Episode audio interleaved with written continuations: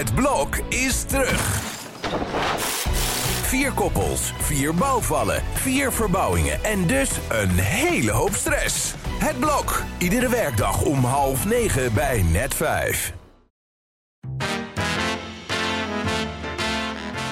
Dit is Strik Privé, de dagelijkse showbiz-update met Evert Zandgoeds en Jordi Versteegde.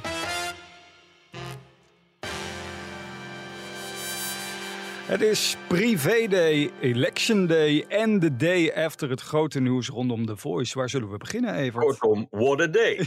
Ja, dat kun je wel zeggen. Ik was vanochtend de allereerste in het stemlokaal in Amsterdam waar ik was. Waar ik, eh, ja, ik was de eerste stemmer. Ik vond het wel een eer. Ja, moet ik zeggen waar ik op gestemd heb? Nou, van mij niet. Maar Mm, Oké, nou ja, goed. Ja, er zijn ook een aantal politici, hè, of een aantal bekende Nederlanders, moet ik zeggen, die op, op stemlijsten staan. Dat is ja, wel... Maarten van Rossum, onder andere voor de Partij van de Arbeid. En dan vooral in het waterschap, geloof ik. Het is, ja, ja nou, ik weet niet of dat een aanbeveling is.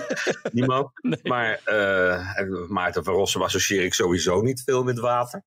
En, maar eh, dat geheel terzijde. bedoel, maar eh, ja, nee, dat heeft altijd in het verleden heeft het wel eens kunnen helpen. Lijstduwers en zo. En Foppe de Haan staat op een lijst, in Friesland natuurlijk. Dus eh, ja, als eh, mensen daarop willen stemmen in die provincie, dan, eh, dan kan dat zomaar. Maar heel bekende namen ontbreken een beetje dit jaar. Dat zie je toch vaker bij Tweede Kamerverkiezingen, waar het Ja. ook meer publiciteit oplevert. En, eh, Ja. ja, nou, het is belangrijk om te gaan stemmen, dus eh, mensen gaan dat eh, even doen. Het is mooi weer ook. Dat komt de uitslag met de opkomst in ieder geval wel ten goede meestal. Dat denk ik ook. Van stemmen een beetje een flauwe brug naar The Voice. Maar wij kondigden het gisteren al aan. Er zou groot nieuws aankomen rondom die zaak. En om drie uur 's middags was het in één keer zover. Ja, aan de loop van maandag werd een beetje duidelijk dat er eh, schot zat, beweging zat in die zaak na ruim een jaar. En dat werd ook wel een beetje tijd, want ja, het, het, was een onhoudbare situatie geworden voor heel veel mensen. Heel veel geruchten, heel veel Ja. verhalen. En eh, wie heeft nou wel wat op zijn geweten en wie niet? Nou ja, dat weten we eigenlijk nog steeds niet, want daar moet die zaak echt inhoudelijk voor behandeld gaan worden. Maar eh, ja, voor Jeroen Rietberg en Ali B was het een grote schok Hmm. te horen dat, dat ze inderdaad voor het hekje moeten later dit jaar. En dat zou wel eens het eind van het jaar kunnen worden, want er worden nog heel veel verzoeken ingediend voor eh, onderzoeken. De advocaten gaan dat nu doen, wat ze nog nader onderzocht willen hebben. En daar gaat heel veel tijd overheen. En het duurt sowieso al allemaal lang bij justitie, zoals Ja. je weet. Want ja, de wachtlijsten zijn, eh, zijn nou eenmaal lang. Er zijn veel zaken te behandelen. En dit is dan wel een van de meest spraakmakende. Maar dat wil niet zeggen dat die bovenaan de agenda komt. Ali B en Jeroen hebben beide gereageerd gisteren en zijn nogal Ali B zal nu wel zijn volledige naam gaan gebruiken, denk ik. hè? Die was natuurlijk Oeh, toezoen, toezoen. Nee, maar ze zijn alle twee teleurgesteld. Omdat bij Ali B geldt dat hij al een mediation was. En Ja, Jeroen maar- zegt, ja, ik heb al gezegd dat ik eigenlijk onschuldig ben. En ik ben al aan mezelf gaan werken.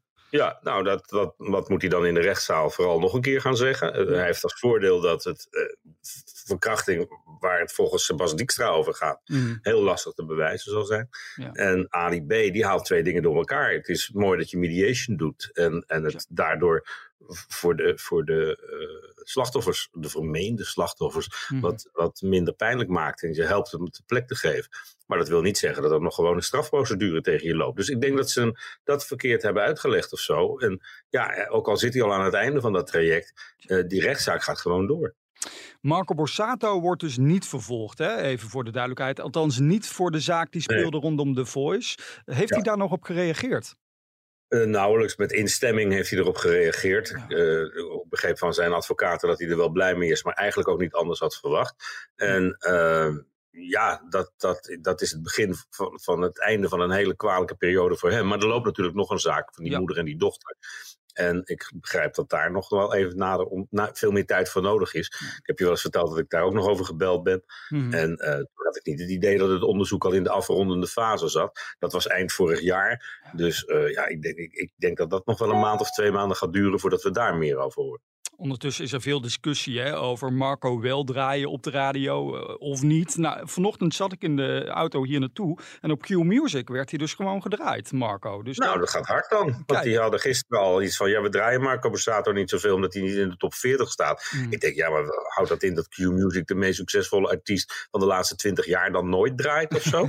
en eh, op, op de 100% NL, wat ik een verschrikkelijke zender vind, omdat je alleen maar Nick en Simon Bluff en, en Acta en de Munnik daar hoort. En Mhm. vooral Nick en, of die hoort Nick en Simon of die krijgt Nick en Simon. Eh, die, die houden nog gewoon vol aan, zolang die andere zaak eh, loopt, draaien we geen Marco Borsato. Nou, wat een helden. gisteren dacht ik automatisch ook even aan Linda de Mol natuurlijk. Hè? eh, ex Als je, als je geen Marco Borsato draait, moet je je zender ook niet 100% NL noemen, vind ik. Hè? Zo, kijk. Zit je op, zit je op 90% NL als je Marco Borsato uitsluit.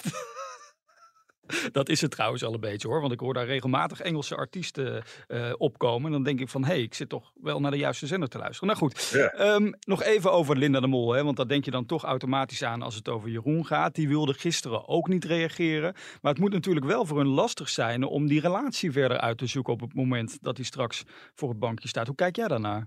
Ja, nou ja, ze hebben ervoor gekozen niet te wachten op de beslissing die gisteren genomen is. En gewoon die relatie al langzamerhand wat nieuw leven in te blazen. Door in ieder geval veel op reis te gaan. Ja. Ja, ja eh, ook Linda zal beseffen dat het hele jaar 2023 nog in het teken staat van deze rechtszaak. Hmm. En dat legt natuurlijk een enorme druk op de liefde en op de band die ze samen hebben. Ja. En eh, ja, dat is voor haar niet makkelijk. Want nogmaals, what did she do?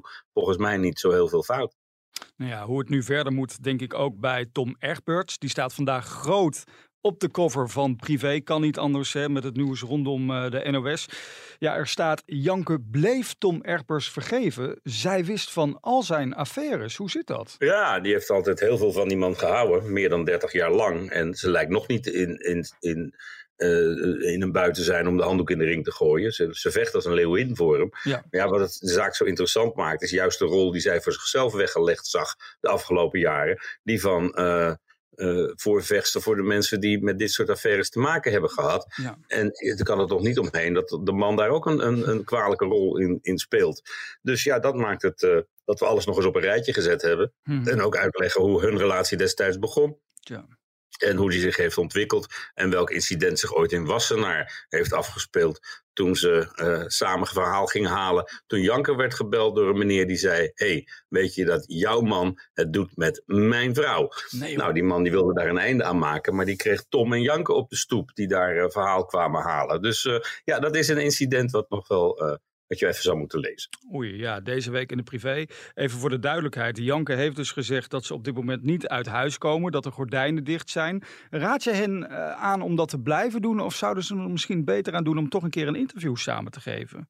Nou, wat ze tot nu toe hebben gedaan was niet heel handig. Bovendien schijnt het echt niet goed te gaan met Tom. En ik denk dat die de gordijnen dichtgetrokken heeft en ze ook nog even dicht wil laten. Mhm. Ja, het lijkt mij ook heel moeilijk om ineens als Tom Egbers over straat te gaan. Eh, niet meer als de Tom Egbers van Studio Sport, maar de Tom Egbers van, weet je, die, Ja. die, die van Studio Sport. En eh, ja, dat is een, eh, iets wat Marco Borsato natuurlijk al heel lang moet zien te dealen. En eh, nogmaals, wat ze gedaan hebben tot nu toe en verklaringen en commentaren was niet heel erg handig. Dus ik zou nu zeggen, hou even je mond als je geschoren wordt. En kijk even wat, wat een geschikt moment zou zijn om alsnog een keer samen je verhaal te doen. Zullen we eindigen met positief nieuws vandaag in deze podcast? Anders blijven we maar een beetje in die negatieve sferen. Ja. Al die incidenten. Ik wil even Tino Martin eruit pikken, want die gaat grote dingen doen binnenkort. Ja, die gaat zowel in Rotterdam als in eh, Amsterdam staan. Die kreeg te horen dat er zowel voor, voor de Ziggo Dome als voor Ahoy een, eh, een optie was om een concert te geven. Ja. En die dacht toen, nou, waarom doe ik niet allebei? In een maand tijd staat hij in allebei en de fans kunnen kiezen. Ze hoeven in ieder geval niet ver te reizen. Want ja, je kan of in 010 of in 020 terecht. Zo heet die, die, die- deze stunt ook. En eh, Tino is natuurlijk wel van de stunts. Hij heeft ook al een keer in het Olympisch Stadion gestaan in, eh, in Amsterdam. Stadion wat ze in de jaren negentig hadden willen slopen, mind you Hmm. om daar wat huizen neer te zetten. Dat toch eh, gered is en, van de sloop. En wat als, als eh, concertstadion, eh, wat mij betreft, veel te weinig gebruikt wordt. Want het is echt een prachtige locatie. Maar het volgende stadion waar Tino staat is toch gewoon de Arena volgend jaar. Dat kan toch niet anders? Dat, Dat denk ik ook. Nu de Ziggo en dan volgend jaar moet eh, Ahoy toch maar naar Amsterdam komen. En dan staat hij daar. En Ja. het is eh, ongelooflijk hoe die jongen dat in een paar jaar voor elkaar geboost heeft, moet ik zeggen. We hadden hem gisteren in de uitzending. Het blijft een aardige gozer. En het wachten is nog steeds op die knallen van een hit die iedereen met, met Tino associeert. En wie weet staan wij dan volgend jaar ook in de Arena met onze podcast. Gaan we een keer vanaf locatie. Lijkt me e- enig toch dat wij een keer een stadion gaan vullen met al die luisteraars. nou goed, wat zit jij nou te lachen? Is dat allemaal te overdreven? Nee, nou ja, alles kan. Je ziet het aan, aan VI die ook de, de, de vult. Daarom. Jordi, Je moet koop een leuk jasje alvast, zou ik zeggen. Daarom, we moeten groot blijven dromen. Nou goed, ik droom alweer over morgen, want dan zijn we er weer om 12 uur met een nieuwe podcast. Hey, tot dan.